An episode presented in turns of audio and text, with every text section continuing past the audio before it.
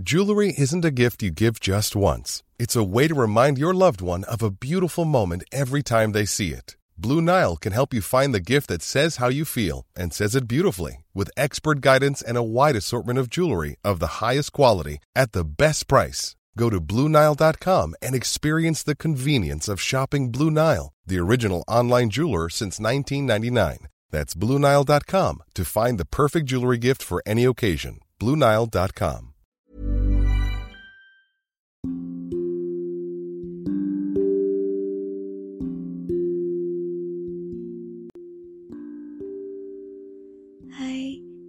kasih sudah mengunjungi dan hendak mendengarkan podcast Dongeng Tidur.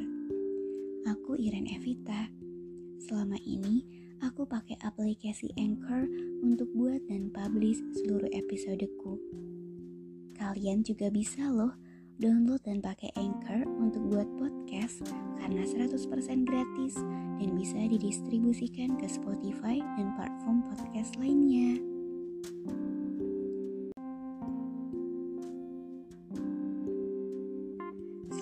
Mendengarkan Putri Duyung Part 2. Semoga lekas tidur dan bermimpi indah.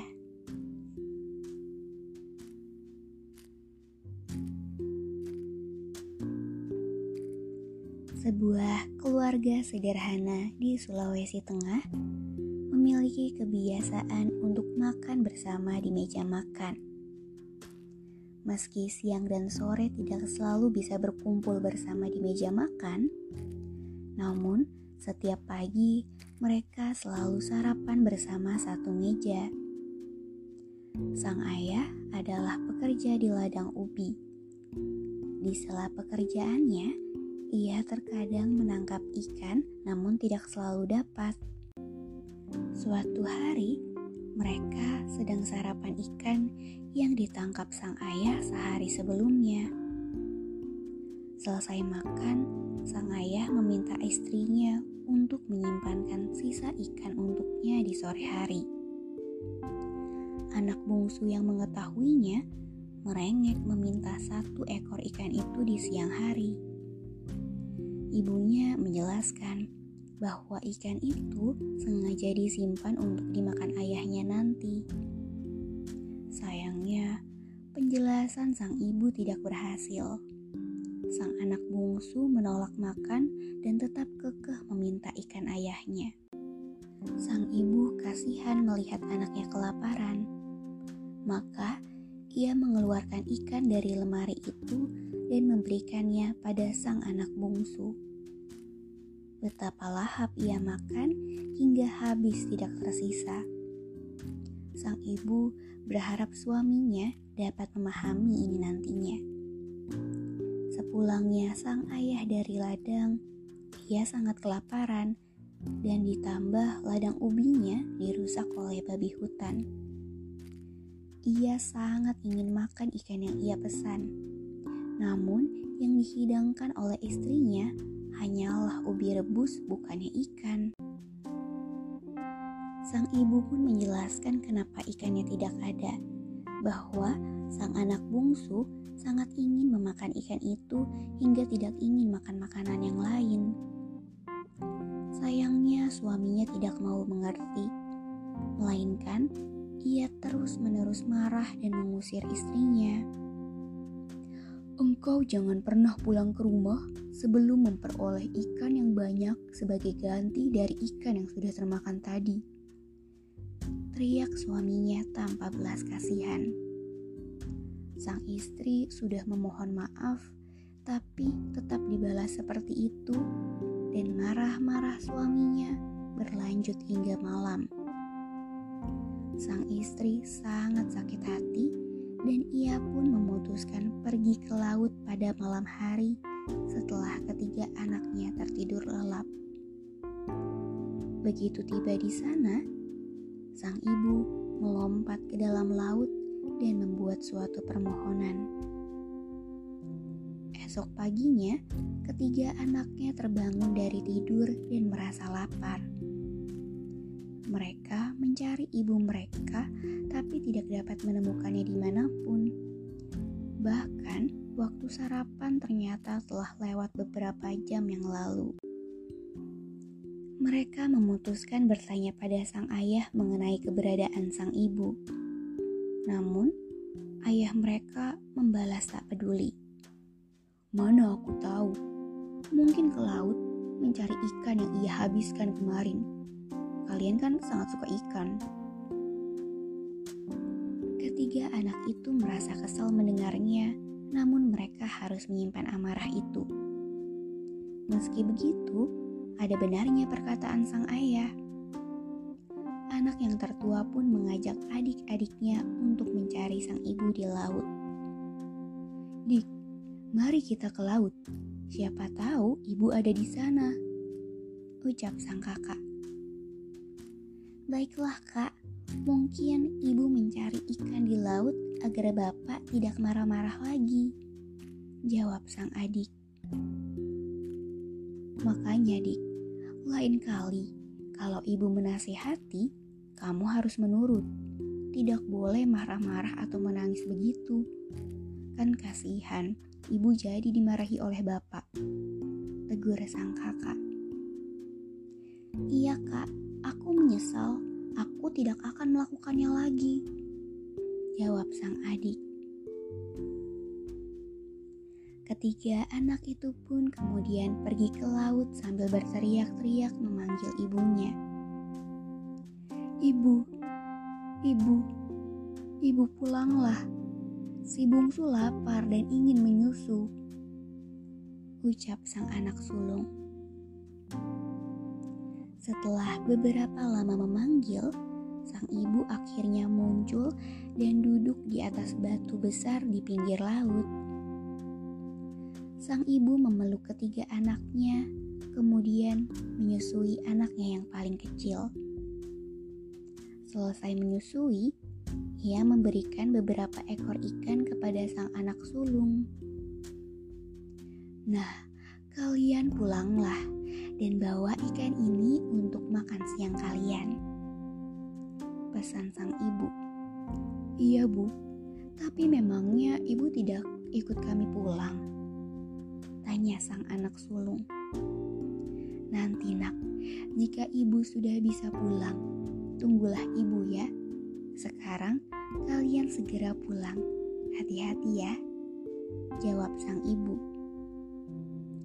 Ketiga anak itu menuruti pesan sang ibu. Dan setibanya mereka di rumah, sang anak sulung memanggang ikan untuk lauk makan siang mereka. Biasanya, sang ibu yang akan menyiapkan makanan. Namun kali ini ibu mereka belum bisa pulang.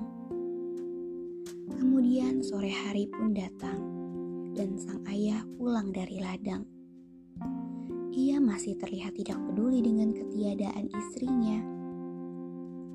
Sang ayah melihat beberapa ekor ikan di meja, lalu tersenyum mengejek dan berkata, Lumayan juga ikan yang dia tangkap. Baguslah, aku mau makan satu. Setelah selesai makan, ayahnya langsung masuk ke dalam kamar tanpa menanyakan keberadaan istrinya, apalagi mencarinya. Hingga hari sudah menjadi malam, namun ibu mereka masih belum kembali ke rumah. Ketiga anak itu pun menunggui ibu mereka hingga ketiduran di ruang keluarga.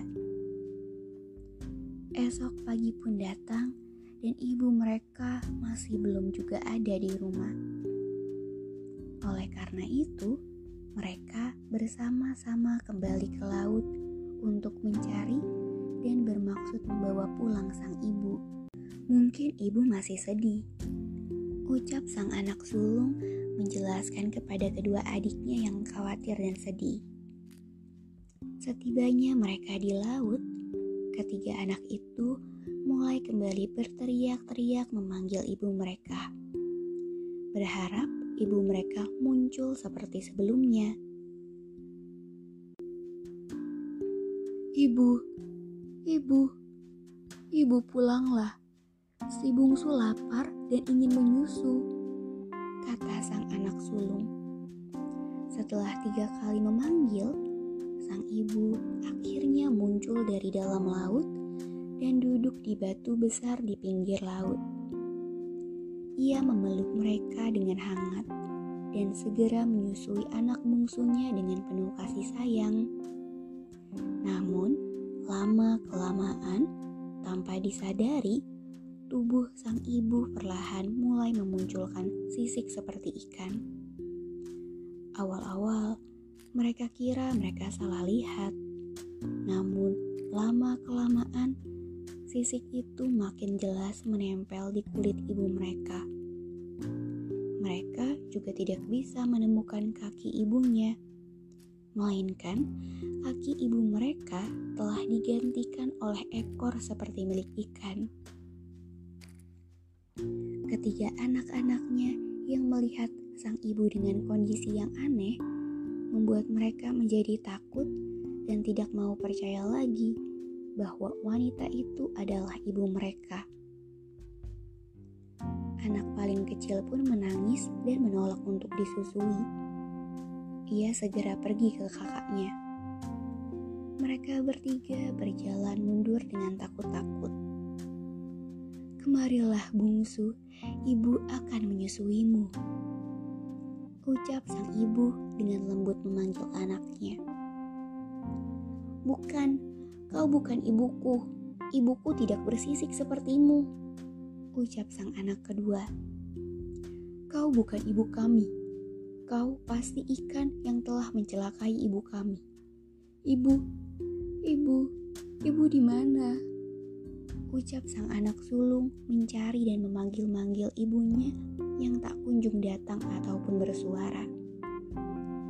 Aku adalah ibumu nak, percayalah. Ibu berubah seperti ini karena bertekad untuk tinggal di laut. Ibu sudah tidak tahan dengan perlakuan ayah kalian. Ucap sang ibu mau mencoba menjelaskan. Kami tidak percaya kepadamu Kau hanya mirip ibu kami, tapi kau bukan ibu kami. Ucap anak sulung yang kemudian berlari meninggalkan laut bersama dengan anak kedua dan anak bungsu. Betapa sedih hati sang ibu setelah mendengar ucapan anaknya. Ia tidak dapat berbuat apa-apa lagi karena memang tubuhnya sudah tidak seperti dulu lagi. Di tubuhnya kini muncul sisik-sisik dan kakinya berganti ekor ikan. Hati wanita yang saat itu telah berubah wujud menjadi manusia setengah ikan menjadi sangat hancur.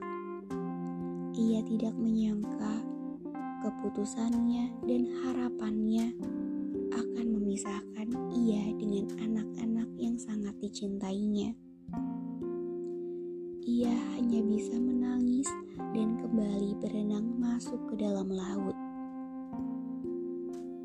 Setelah waktu berlalu, beberapa warga Sulawesi Tengah sempat melihatnya berenang dan melompat di air.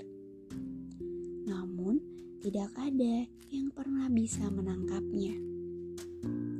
Orang-orang terkejut melihat sisik dan ekor ikan di setengah bawah tubuh seorang manusia. Sejak saat itu, makhluk yang tampak setengah manusia dan setengah ikan itu pun dikenal dengan nama ikan duyung. Karena kecantikan yang dimiliki ikan duyung itu, orang-orang mulai menyebutnya dengan nama Putri Duyung.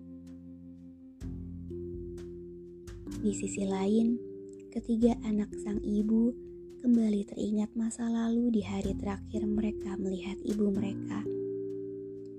Kini mereka percaya itu adalah ibu mereka yang sesungguhnya yang telah berubah menjadi manusia setengah ikan.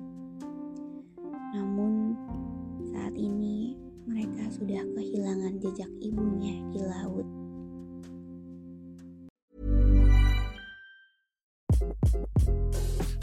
This is Craig Robinson from Ways to Win, and support for this podcast comes from Invesco QQQ, the official ETF of the NCAA. The future isn't scary. Not realizing its potential, however, could be. Just like on the recruiting trail, I've seen potential come in many forms as a coach. Learn more at Invesco.com slash QQQ. Let's rethink possibility. Invesco Distributors, Inc.